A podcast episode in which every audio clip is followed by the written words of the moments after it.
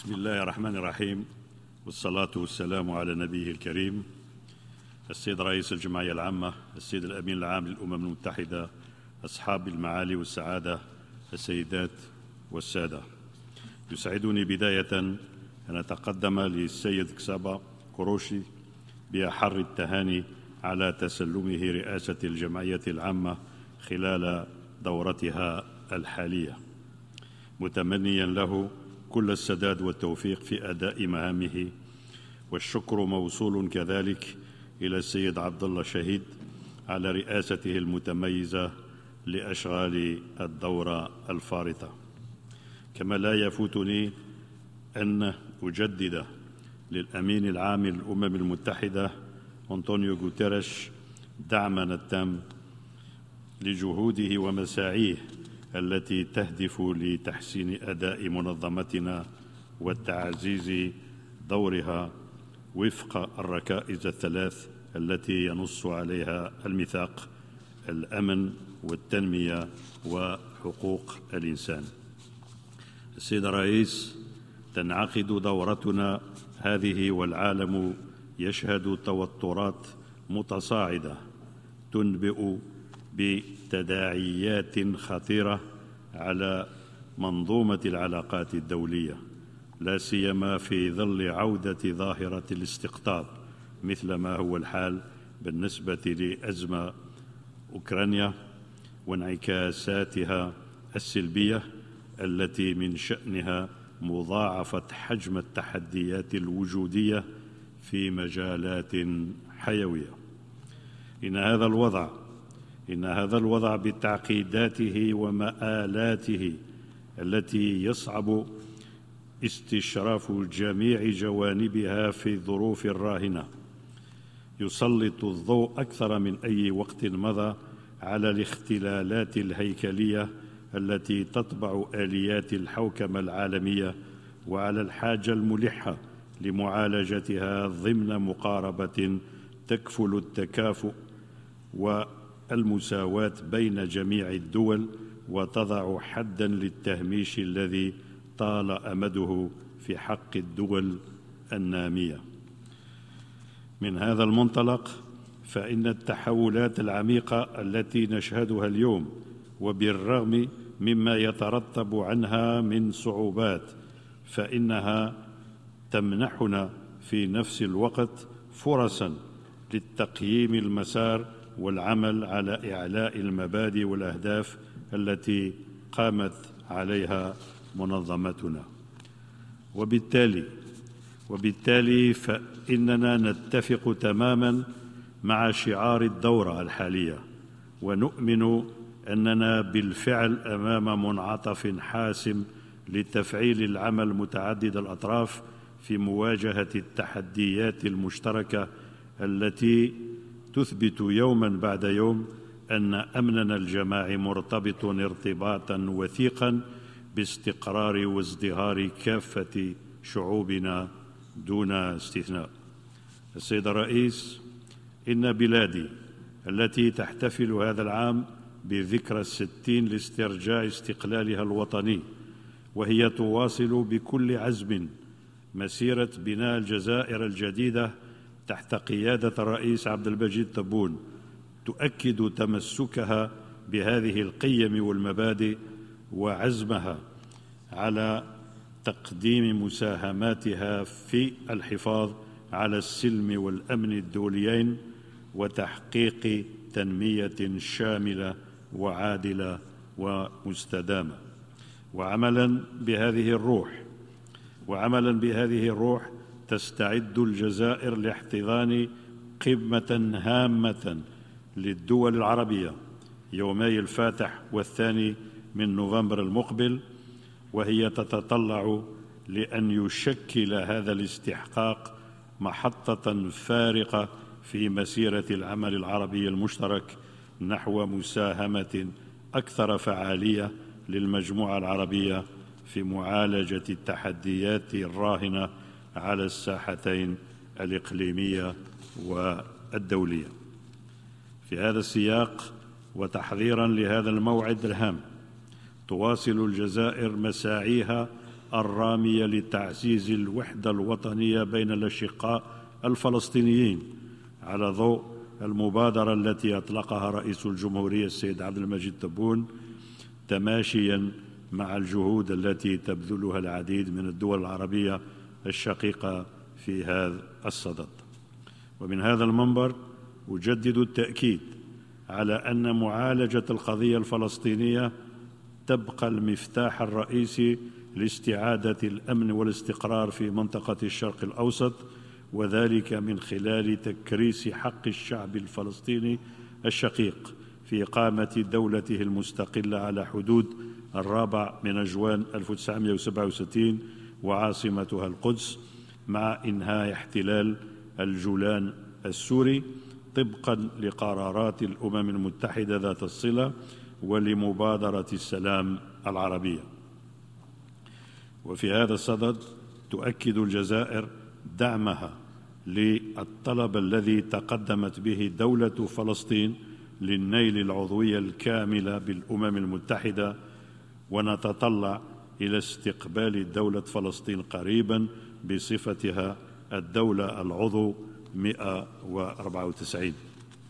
وبنفس العزيمة نؤكد تؤكد الجزائر مجددا دعمها لحق شعب الصحراء الغربية الشقيق في إنهاء احتلال أراضيه وفي ممارسة حقه غير القابل للتصرف أو التقادم في تقرير المصير والاستقلال وتدعو منظمة الأمم المتحدة لمضاعفة جهودها عبر المبعوث الشخصي للأمين العام للصحراء الغربية السيد ستيفان دي مستورة بغية تمكين طرفي النزاع الدولتين العضوين في الاتحاد الإفريقي المملكة المغربية والجمهورية العربية الصحراوية الديمقراطية من استئناف مسار المفاوضات المباشرة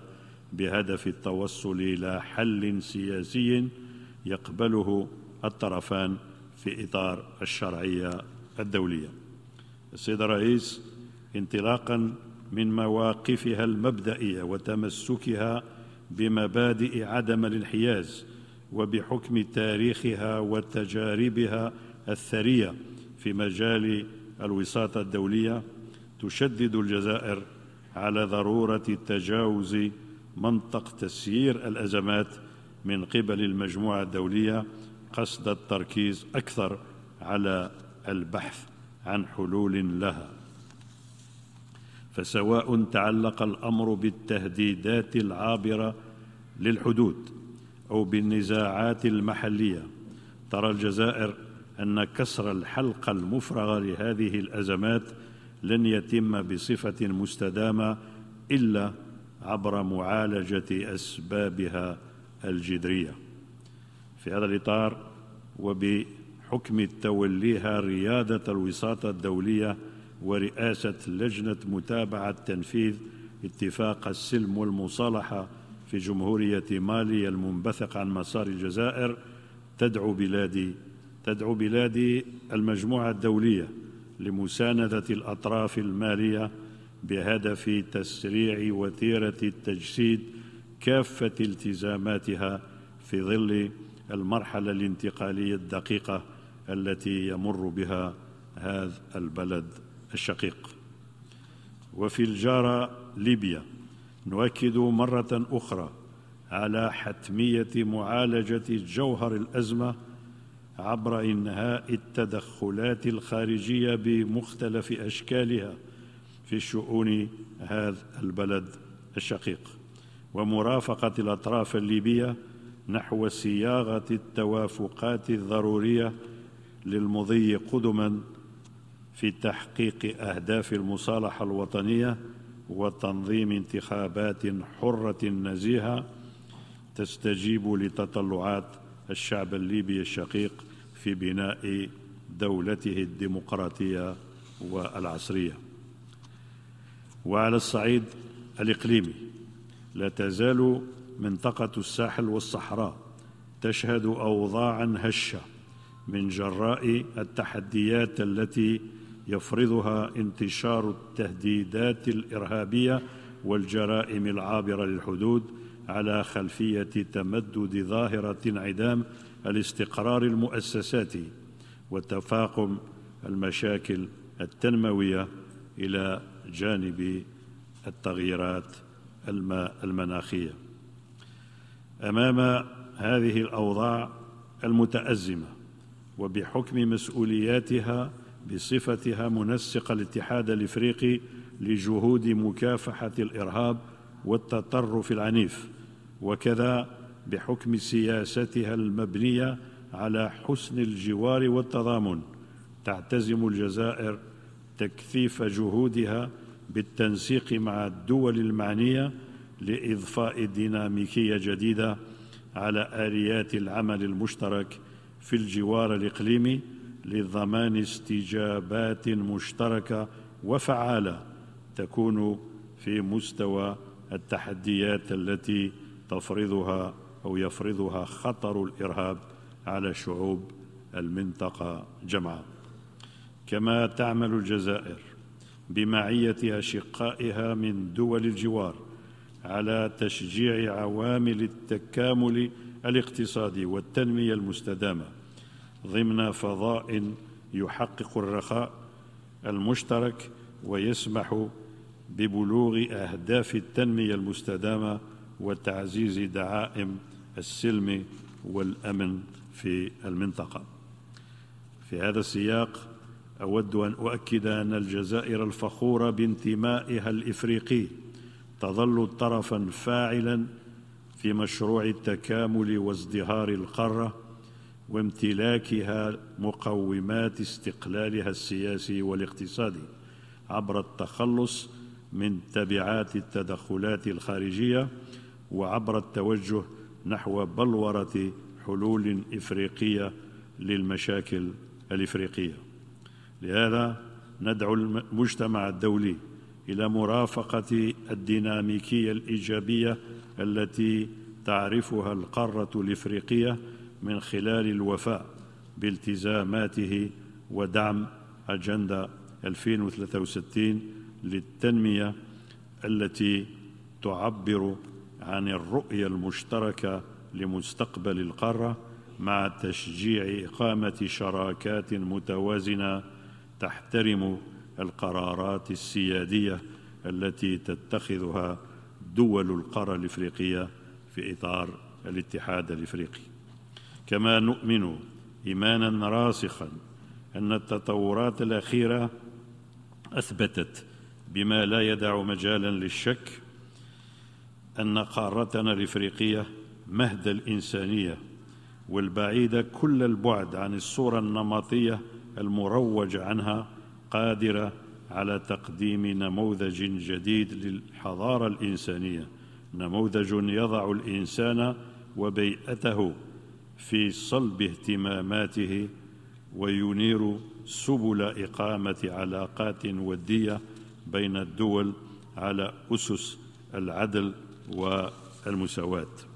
السيد الرئيس في خضم هذه التطورات وادراكا منها لحجم التحديات غير المسبوقة المطروحه دوليا واقليميا قدمت الجزائر ترشيحها لعضوية غير الدائمة في مجلس الأمن للفترة 2024 2025 وهو الترشيح الذي حظي بتزكية كل من الاتحاد الإفريقي وجامعة الدول العربية ومنظمة التعاون الإسلامي. إن الجزائر التي تتطلع لدعم الدول الأعضاء خلال الانتخابات المقرر إجراؤها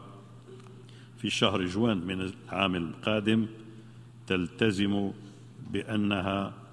ستبقى وفية لمبادئ وأهداف ميثاق الأمم المتحدة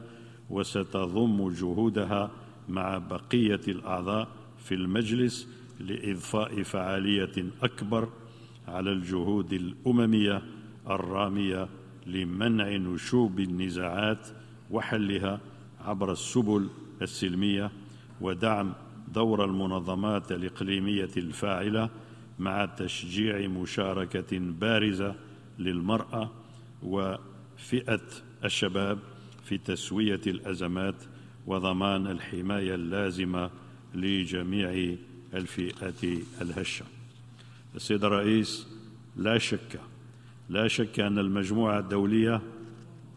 تقف اليوم أمام منعطف حاسم وهي مطالبة باتخاذ قرارات جريئة للحفاظ على أمنها الجماعي واستشراف آفاق مستقبل واعد للبشرية جمعاء. في هذا من هذا المنطلق تدعو الجزائر إلى ضرورة تفادي أخطاء الماضي ومن جر عنها من تبعات وتنادي بضم جهودنا جميعا لإنجاح مسار الإصلاح وصولا إلى قيام منظومة عالمية يسودها الإنصاف والمساواة في السيادة والمصالح المتبادلة والتعاون البناء. فنحن بحاجة نحن بحاجة أكثر من أي وقت مضى إلى العمل الجماعي والاستنارة بمبدأ وحدة المصير للتفادي انزلاقات خطيرة تهدد بعودة أحلك فصول تاريخ البشرية المعاصر. شكرا على كرم الإصغاء والسلام عليكم ورحمة الله تعالى وبركاته.